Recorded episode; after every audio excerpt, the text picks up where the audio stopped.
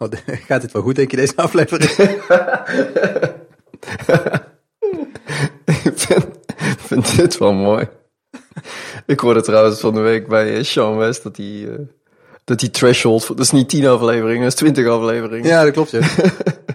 Ik denk, fuck, we zijn er nog niet. Nee. Uh, ja, nou ja, we proberen dit. Het internet is niet hetgene wat hapert nu. nee, dat is waar. Dat zijn wij. Ja. Waar gaan we het over hebben? Eh, een onderwerp eh, wat eh, ons weer naar het hart ligt. Dat is het direct toelaten van gebruikers. Vergeet ons voor te stellen. Ja, dat is niet erg. Goed zo. Mensen- Na 13 afleveringen kennen mensen ons wel, denk ik. Ja, dat zou je denken. Ja. Oké. Hebben we timing ook gedaan, hè? Ja, weet je nog, helemaal in het begin. Het is wel leuk, dit onderwerp sluit eh, behoorlijk aan bij eh, waar we het vorige week over gehad hebben. Over eh, move fast and break stuff en eh, fuck it, ship it. Is dat je op het moment dat je iets gaat bouwen, dat je zo snel mogelijk eigenlijk je gebruikers wil toelaten. En, vertel, vertel jij nou eens waarom, je, waarom dat belangrijk is, wat je daaraan hebt. Nou ja, nummer één is denk ik ehm, is de feedback die je krijgt. en dat, maar dat zou je toch ook op een ontwerp kunnen krijgen? Ja, maar dat is een heel ander type, type feedback. Ik denk dat we allemaal wel geleerd hebben in de loop der jaren dat, ehm, dat je vooraf niet alles kan bedenken. En een, een ontwerp of een prototype of wat dan ook is, is, is heel verschillend van een tool echt gebruiken. Echt dagelijks gebruiken. Dan loop je tegen heel andere problemen aan die je op geen enkele wijze had kunnen voorzien. We hebben natuurlijk veel geleerd op het gebied van, van usability door de jaren heen. En dat wordt allemaal steeds steeds beter en we kunnen, we, we, kunnen het al beter dan zoveel jaar geleden, maar toch zitten er nog heel veel, eh, valt er bij iedere applicatie een heleboel te leren. Eh, door het te gebruiken, door het zelf te gebruiken, maar ook door het door anderen te laten gebruiken. Eh, en dat laatste, dat genereert gewoon heel veel eh, feedback ehm, op hoe de, hoe de applicatie zich gedraagt, maar ook op eh, bugs bijvoorbeeld. Mensen ontdekken gewoon sneller, eh, als je er met tien man doorheen klikt of eh, en dagelijks gebruikt, ontdek je natuurlijk veel sneller fouten dan wanneer je dat maar met z'n tweeën doet. En, en het amper gebruikt. Dus ik denk dat dat een van de, ehm, van de belangrijkste voordelen is. En wat ik persoonlijk heel erg, ehm, eh, heel erg fijn vind, is dat het je gemotiveerd houdt. Ja. Eh, een half jaar aan een applicatie werken die door niemand gebruikt wordt, dat is toch anders dan een half jaar aan werken. ehm, terwijl je ziet dat mensen er actief mee bezig zijn, dat mensen er iets aan hebben, dat het waarde creëert voor mensen. En ehm, misschien zelfs ook al eh, geld oplevert, dat die mensen ervoor betalen. Dat, dat is zo'n grote motivator. En ik denk zelfs als je, ehm, eh, als je een dipje hebt, op het moment dat je bijvoorbeeld, eh, dat je zegt van nou, het, zit, het zit een tijdje, tijdje tegen, dan, dan kan juist eh, het feit dat je een userbase hebt, je de verantwoordelijkheid geven om, om toch door te gaan. En, eh, en anders wordt het iets snel, heel snel tot de, ehm, ja, tot de stoffige plank eh, met, met ongebruikte ideeën verbannen. Ja. ja, ik vind dat laatste vind ik ook heel, eh, heel belangrijk. Dat je inderdaad, eh, dat, dat het je heel erg gemotiveerd kan houden. Op het moment dat je ziet dat eh, bijvoorbeeld tien mensen het gebruiken. Dan, ik probeer altijd niet te veel naar dat nummer te kijken van tien. Ja, dat is gewoon een, een nummertje. Dat, dat zegt me niet zoveel, maar ik probeer dan voor te stellen dat die mensen bij mij... Sorry. Ik probeer me dan voorstellen dat die mensen bij mij in kantoor zouden zitten. En dan- dan is tien in één keer best wel veel. Dus als je tien mensen op je, op je feestje hebt, dan... eh, nou, dat, dat klinkt heel anders dan, eh, dan dat je dat een getalletje 10 op je dashboard hebt staan. Van oké, dat zijn er 10. Dus ik, ik, ik zou ook mensen aanraden om, om proberen het een beetje te visualiseren. Dan in plaats van alleen maar een nummertje ergens te laten zien. Ja, en ik denk ook dat dat, ehm, dat, dat aantal helemaal niet zo, eh, eh, niet zo belangrijk is, inderdaad. Mensen denken van oh, tien, het is, het is maar tien mensen. Ja. Ik, ik vind persoonlijk, denk ik, dat er eh, veel te snel... eh, misschien- het is een ander onderwerp hoor, maar ik ben wel benieuwd naar jouw mening. Ik zelf ehm, merk dat... eh, een heleboel start-ups of een heleboel business, mensen die een nieuw bedrijf willen starten, de verkeerde voorbeelden nemen. Die kijken alleen maar naar de enorme start-ups in San Francisco. Met miljoenen users, geen omzet. en enorme investeringen. Terwijl ik persoonlijk vind dat je met 10, 100, 1000 gebruikers kun je ook ehm, geld verdienen. Een heleboel geld verdienen. Ehm, maar dat wordt zo vaak over het hoofd gezien. Die kleine aantallen die lijken het er niet toe te doen. Ja, dat, dat, komt ook wel omdat in het nieuws zie je natuurlijk alleen maar die grote. Dus daar ligt gewoon heel veel nadruk op. Ik denk dat dat... Uh, op, mensen kijken naar, alleen maar naar grote bedrijven omdat het enige is waarover geschreven wordt. Kijk, er gaat niemand schrijven over een klein, een klein SaaS-product waar, uh, waar maar 50 gebruikers voor zijn bijvoorbeeld. Ja, dat is eigenlijk heel zonde, want dat is wel iets wat veel, uh, veel makkelijker haalbaar is, veel realistischer doelstelling is. Ja, en dat is het, het punt wat je in het begin moet passeren. Je, je begint nooit met, uh, ja, je begint bijna nooit met, met 10.000 gebruikers. Je, je moet eerst over die punten heen. Ook een, ik denk dat er ook veel minder bedrijven zijn die eindigen met 10.000 of een miljoen uh, gebruikers. Ja. Natuurlijk de uitzonderingen, Basecamp, die hebben miljoenen gebruikers. Maar er zijn zat uh, goede, leuke, kleine bedrijven die, die, die ja, prachtige bedragen verdienen iedere maand. Met, met maar kleine aantallen. Ja, wat, uh, je hebt maar, hoe noemen ze dat, thousand true fans nodig om, uh, uh, ja, om iets goeds te, om een goed salaris te kunnen verdienen. Ja, ja daar geloof ik ook wel in. wij hebben het ook wel vaker over dat ons doel is niet om een miljoen gebruikers met timing te hebben. Wij willen gewoon een inkomen voor onszelf creëren, zodat we aan dingen kunnen werken wat we zelf willen. Maar dat, ja, dat hoeft, hoeft niet een miljoen gebruikers te zijn. Nee, zeker niet. Dat, dat is inderdaad een paar duizend is, uh, is wat dat betreft voldoende om, om die mogelijkheid te creëren. Ja. En, en als je op zo'n schaal gaat kijken, dan, dan worden 10, 100, 200, 300, 500 gebruikers. Ja, ik denk dat, dat, dat zijn in één keer interessante aantallen dan, want dan kom je toch best wel dicht bij die doelstelling in één keer. Daar merk ik trouwens ook wel een essentieel verschil in als ik sommige. Ik praat, ik praat de laatste tijd vaker met uh, mensen die ook in start-up zitten. En er zijn dus heel veel mensen die, die willen dus juist die echt bewust voor die miljoenenmarkt gaan. En die willen dan ook liefst een team van uh, tien ontwikkelaars hebben en dat soort dingen. Terwijl ik vind juist, voor mij zit heel erg de kick erin dat, we dit, dat wij het timing met z'n tweeën doen. En dat we met z'n tweeën dat doel proberen te bereiken. In plaats van, ik vind dat leuker dan met een heel team van tien man uh, proberen een miljoen te halen. Ja, ook dat. En ik denk dat, uh, dat wij in veel gevallen ook nog sneller zijn. Met z'n tweeën. Omdat je met z'n tweeën heel lean en mean kan blijven. Ja. Terwijl, ja, hoe meer mensen, hoe meer overheid. Dat, ja. uh, dat is een feit. Hoe moeilijker het wordt om, om een organisatie heel snel in een bepaalde richting te sturen. Dus um, nee, daar, daar ben ik het zeker mee eens. En, ja, ik denk eerlijk gezegd dat ze door zelf daarop in te zetten... Um, ze de, kans, de kans op succes uh, enorm verkleinen.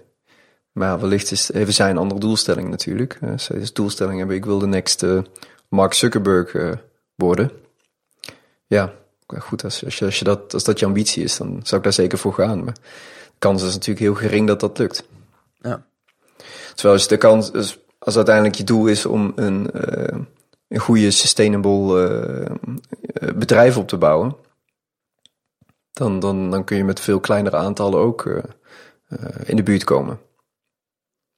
Ja. Wat ik ook nog wel een interessant onderwerp vind in de vorige kritische massa met Alexander Klupping had hij het over dat het zo lastig is om een goede co-founder te vinden. Dat, dat herken ik dus wel echt, dat, dat vind ik een heel mooi, mooi ding wat hij daar noemt. ja, ja, ja, vindt het ook lastig om een goede te vinden? nou, ik, ik, uh, ik merk wel dat wij hebben ook wel on, vaker oneenigheid over dingen, maar uiteindelijk moet je er toch uit zien te komen. En ik heb al met heel veel mensen aan, aan producten gewerkt, maar het is toch altijd moeilijk. Je moet, het is toch bijna een soort huwelijk eigenlijk wat je aangaat. Ja, ja ik, ik noem het ook vaak inderdaad zakelijk huwelijk. En uh, ik, ik heb die, die aflevering van Alexander Klupping heb ik ook gehoord. En ik denk dat hij de, de, de spijker op zijn kop slaat. Als hij zegt dat, uh, dat het ook heel belangrijk is om, om het niet alleen te doen. Heel ja. veel mensen willen het, uh, proberen het alleen. Maar dat maakt het zoveel moeilijker. Um, met z'n tweeën heb je natuurlijk meer denkkracht. Je kunt de, de, de workload verspreiden. Um, het helpt je ook gewoon heel erg in het nemen van beslissingen. Um, maar ja, hij heeft gelijk als hij zegt, het is ontzettend lastig om, uh, om iemand te vinden waar je, uh, ja, waar je eigenlijk mee kan lezen en schrijven. Ja, ja want je moet zoveel contact hebben met elkaar over, uh, over beslissingen. En, maar ja, wat jij zegt over dat elkaar gemotiveerd houden, dat is natuurlijk ook een heel belangrijke factor. En dat is misschien met z'n drie ook wel weer anders. Hoe bedoel je dat? Dat jij, als je met, met, met drie of vier of vijf uh, founders bent in een bedrijf, dan, is het, dan werkt dat elkaar gemotiveerd houden misschien ook wel anders. Dan heb je een hele andere groepsdynamiek natuurlijk, dan met z'n tweeën. Ja, ik heb, dat, ik heb daar zelf geen... Heb jij daar ervaring mee met, met um, uh, een bedrijf met, met, met meer dan twee founders? ik ja, heb ik één keer, één keer meegemaakt. Dat waren dus twee ontwikkelaars en één ontwerper. En op zich, het elkaar gemotiveerd houden ging daar goed. Maar het beslissingen nemen was lastiger. Want je hebt, als je met z'n drieën bent, heb je toch snel ook drie meningen. En wij hebben twee meningen. En dan is het makkelijker om één uitschakelen dan om er twee uh, uitschakelen. Dat vind ik interessant. Ik, zou, ik dacht altijd juist dat dat, uh, dat zo'n derde stem heel erg zou helpen. Of, of is dat gewoon nog een, een derde andere mening? Ja, vaak wel, ja. Ja, dus dat maakt het alleen maar complexer. Ja, ik, ik vond, je hebt ook vaker het gevoel dat je dan zeg maar dat had ik tenminste, dat, dat dan uh, binnen zo'n team van drie ontstaat er een mening. En dan één staat er tegenover en dan die andere die kiest dan automatisch een kant van die twee bijvoorbeeld. En heb je al een soort gevoel dat je buitengesloten wordt in die, uh, dan kan je, ben je dus heel makkelijk inderdaad bij je uitgediscussieerd. Terwijl, ja. je steeds, terwijl je het er nog steeds niet mee eens bent. En wij zijn met z'n tweeën. Dus dan, dan moet je proberen elkaar te overtuigen met argumenten. En daar is het gewoon een kwestie van de derde die zeg maar een kant kiest. Ja, dus het, de, ehm, het zou kunnen betekenen dat er minder goede beslissingen genomen worden. Dus op, op basis van meerderheid in plaats van inhoud. Ja, dat, dat heb ik toen eigenlijk nooit zo over nagedacht. Maar nu ik het zo zeg, uh, is dat eigenlijk wel een logische, uh, logische conclusie, hè? Ja. Nou ja, ik, wat ik merk is dat onze discussies, die duren ook best lang soms. Ja. Maar dat... De, um, um, dat wil niet zeggen dat wij hele dagen zitten te discussiëren. Want de, wat ik daar wel bij moet zeggen is dat we alleen lang discussiëren over dingen die echt belangrijk zijn. Anders zeggen we gewoon, ja, fuck it, ship it, we zien wel. Probeer het. Um, ja. ja. probeer het en dan, en dan komen we er vanzelf al achter. Dus als jij denkt dat het zo is, ik denk dat het niet zo is, ja, hoe komen we erachter? Ja, door het te proberen en dan, dan zien we het antwoord. Um, maar ik denk dat uh, bij de discussies die, die echt van belang zijn, waarbij je dat... Er zijn er zijn momenten waarop je fuck it, ship it niet kan toepassen. Um, ja, dat zijn als het gaat om, uh, um, uh, hoe noem je het, algemene voorwaarden en uh, alles wat met, met rechts, rechtszekerheid te maken heeft. Ja, daar wil je liever niet fuck it, ship it toepassen. daar moet je gewoon van tevoren goed over nadenken. En ook de, de, de kern van je applicatie moet gewoon goed in elkaar steken voordat je dat. de dingen waarop je hele pijnlijke fouten kan maken, dataverlies kan leiden, security, dat soort dingen. Dat moet gewoon goed in elkaar steken. En ja, daar kun je het principe niet op toepassen. En dan ontstaan er wel eens discussies over hoe je dingen aan moet pakken. En dan gaan er soms zelfs bij ons meerdere dagen overheen. En dat is niet dat we dagenlang discussiëren, maar onze oplossing is vaak van nou goed, we, zijn het niet eens of we meerdere oplossingen en we, we kunnen eigenlijk niet kiezen. Um, prima, we laten het even rusten. Ja. Uh, vaak komt dan het antwoord, dankzij de tijd die verspreidt, verstrijkt. Omdat dan op een gegeven moment dan, ja, doordat de, dat we een paar dagen verder zijn, hebben we meer informatie of uh, andere inzichten. Waardoor zo'n beslissing in één keer heel natuurlijk genomen kan worden. Van oké, okay, nu is het logisch. Jij had gelijk of ik had gelijk. En ik denk dat het heel belangrijk is, persoonlijk is dat... Uh, uh, waar ik ons nooit over hoor is van jij had gelijk of ik had gelijk denk dat dat heel belangrijk is. Het gaat niet om wie er gelijk heeft. Het gaat om wat het beste is voor de applicatie. Ik heb volgens mij bij ons nog nooit, ja, voor de grap misschien een keer. Maar zelden dat, dat we, uh, ja, het gaat echt om de inhoud en niet om, om wie het zegt. Ja. Ja, en, en ook als er dus een, uh, een bug optreedt of dat we een foutje hebben gevonden, dan proberen we ook samen te vinden waar het aan ligt. Vaak starten we dan een screensharing sessie en dan gaan we er samen naar kijken. In plaats van te zeggen van uh, oké, het is een uh, programmeerfout, los jij hem op. Dat vind ik altijd heel, uh, heel prettig. Ja, maar ik, ik, ik, um, ik, ik, ik, zelf programmeer niet, maar het is ook een falen van mij op het moment dat, dat, dat er iets niet, niet goed is natuurlijk. Ik bedoel, ik, ik kijk vaak naar de dingen die jij, ik kijk bijna altijd naar de dingen die we maken. Uh, ik test, we testen ze samen. Dus als ik het toen niet gezien heb, dan heb ik het ook over het hoofd gezien. Um, maar, en, en ik denk persoonlijk dat het geldt voor ons, maar dat geldt denk ik voor ieder team. Uh, het is volgens mij ook een van de kernwaarden van Scrum is dat je, je faalt als team en niet als individu binnen een team. Ja. Zo ontzettend belangrijk voor de, voor de teamgeest om, uh, als er een probleem optreedt, dan met z'n allen de schouder onder te steken en de energie te steken in het vinden van de oplossing in plaats van energie steken in het aanwijzen en het, uh, uh, in, het in het berechten van de persoon uh, die, die, die die fout eventueel gemaakt zou hebben. Ja, het dan zelf op laten lossen bijvoorbeeld. Ja, voor straf. Ja, dat, dat persoonlijk vind ik dat, vind ik dat geen goede aanpak. Ik hou er ook absoluut niet van als, uh, als er in een team gevraagd wordt van wie heeft, uh, wie heeft dit nou weer kapot gemaakt of zo. Uh, dat, dat, is totaal on, irrelevant, denk ik. ik ja. je ik, ziet dat ik, dus wel heel vaak in teams. Hè? Ik, ja, het treft, ik zie dat zo vaak dat dat gebeurt. En heel vaak bedoelen mensen het ook niet verkeerd. Maar ik, ik, ik heb echt gemerkt dat het dus heel veel uitmaakt hoe je, de, hoe je zo'n zin stelt. Van, Zeker. Stel je ziet dat de website kapot is, dat hij het niet doet. Dan zeg je, oh, ik zie dat de website uh, het niet doet. Uh, en uh, misschien dit is het laatste wat gedeployed is. En dat is, kan je nog zeggen van dat, dat heeft die persoon gedaan. Zullen we dan samen proberen even dat op te lossen? Weet je wel, zoiets. Dat is heel anders dan dat je zegt van, goh Piet, heb je productie weer kapot gemaakt? Ja, ja, zeker. En ik, ik denk ook dat, ehm, dat die ruimte om te falen, dat ehm, dat ontbreekt bij heel veel, heel veel bedrijven en heel veel teams. En dat is, dat is funest voor de, voor de innovatie, voor de creativiteit. Ja. Omdat mensen durven niks meer te proberen, omdat als ze falen ze op de, op de ballen krijgen. Ja. En wat ik denk is dat je, wat je moet creëren is een omgeving waarin het de A, waarin het mag. Dus waarin men er niet iedereen uh, op aanvalt op het moment dat het gebeurt. Maar ik denk dat het ook uh, te maken heeft met, uh, met je proces zo inrichten dat een fout terugdraaien ook, uh, ook absoluut niet moeilijk is. Nou, kijk, als je, als je één keer in de maand deployt en er zit dan een fout in, dan is het misschien heel lastig om als team, omdat je er weinig ervaring mee hebt, om dan vervolgens een oudere versie terug te zetten. Maar als je het ieder uur doet, ja, dan, oh jongens, doen we even, op het Dagelijkse kost. Ontzettend makkelijk om te doen. En ik denk ook dat, dat uh, daarin een retrospectief ontzettend belangrijke rol speelt om, uh, voor goh, oké, van de week hebben we gemerkt dat dit twee keer is fout gegaan. En het is misschien twee keer door dezelfde persoon gegaan. Dat is op zich niet, uh, maar dat is niet interessant. Ik denk dat het te maken heeft met, oké, hoe kunnen we dit proces zo inrichten dat we, dat we kunnen voorkomen dat dat gebeurt. Um, natuurlijk zijn er uitzonderingen. Als, iemand, als iemand echt niet functioneert in het team, dan moet daar ook over gesproken worden. Maar vaak is dat helemaal niet het geval. Ja, misschien is die dingen, die persoon dan niet bezig met, uh, met het werk waar hij goed in is. Of. Ja. Misschien is er iets anders binnen het team te verzinnen waar hij uh, heel erg. Uh, waar hij bijvoorbeeld veel beter voor geschikt is. Dat kan ook voorkomen natuurlijk. Dat mensen gewoon sprongelijk op het verkeerde, in de verkeerde rol terechtkomen. Ja, of, of is het tijd om iemand uh, gewoon even de tijd uit te trekken om iemand te leren hoe het wel moet. En dan is het probleem opgelost. Ja. daar wordt vaak ook te weinig aandacht aan besteed. Dus, um, en ja, dat vind ik persoonlijk ook heel fijn, fijn bij ons. We, niet, we lachen om een fout die we maken met z'n tweeën. En we gaan niet zitten zoeken naar van, goh, wie heeft dat nou gedaan?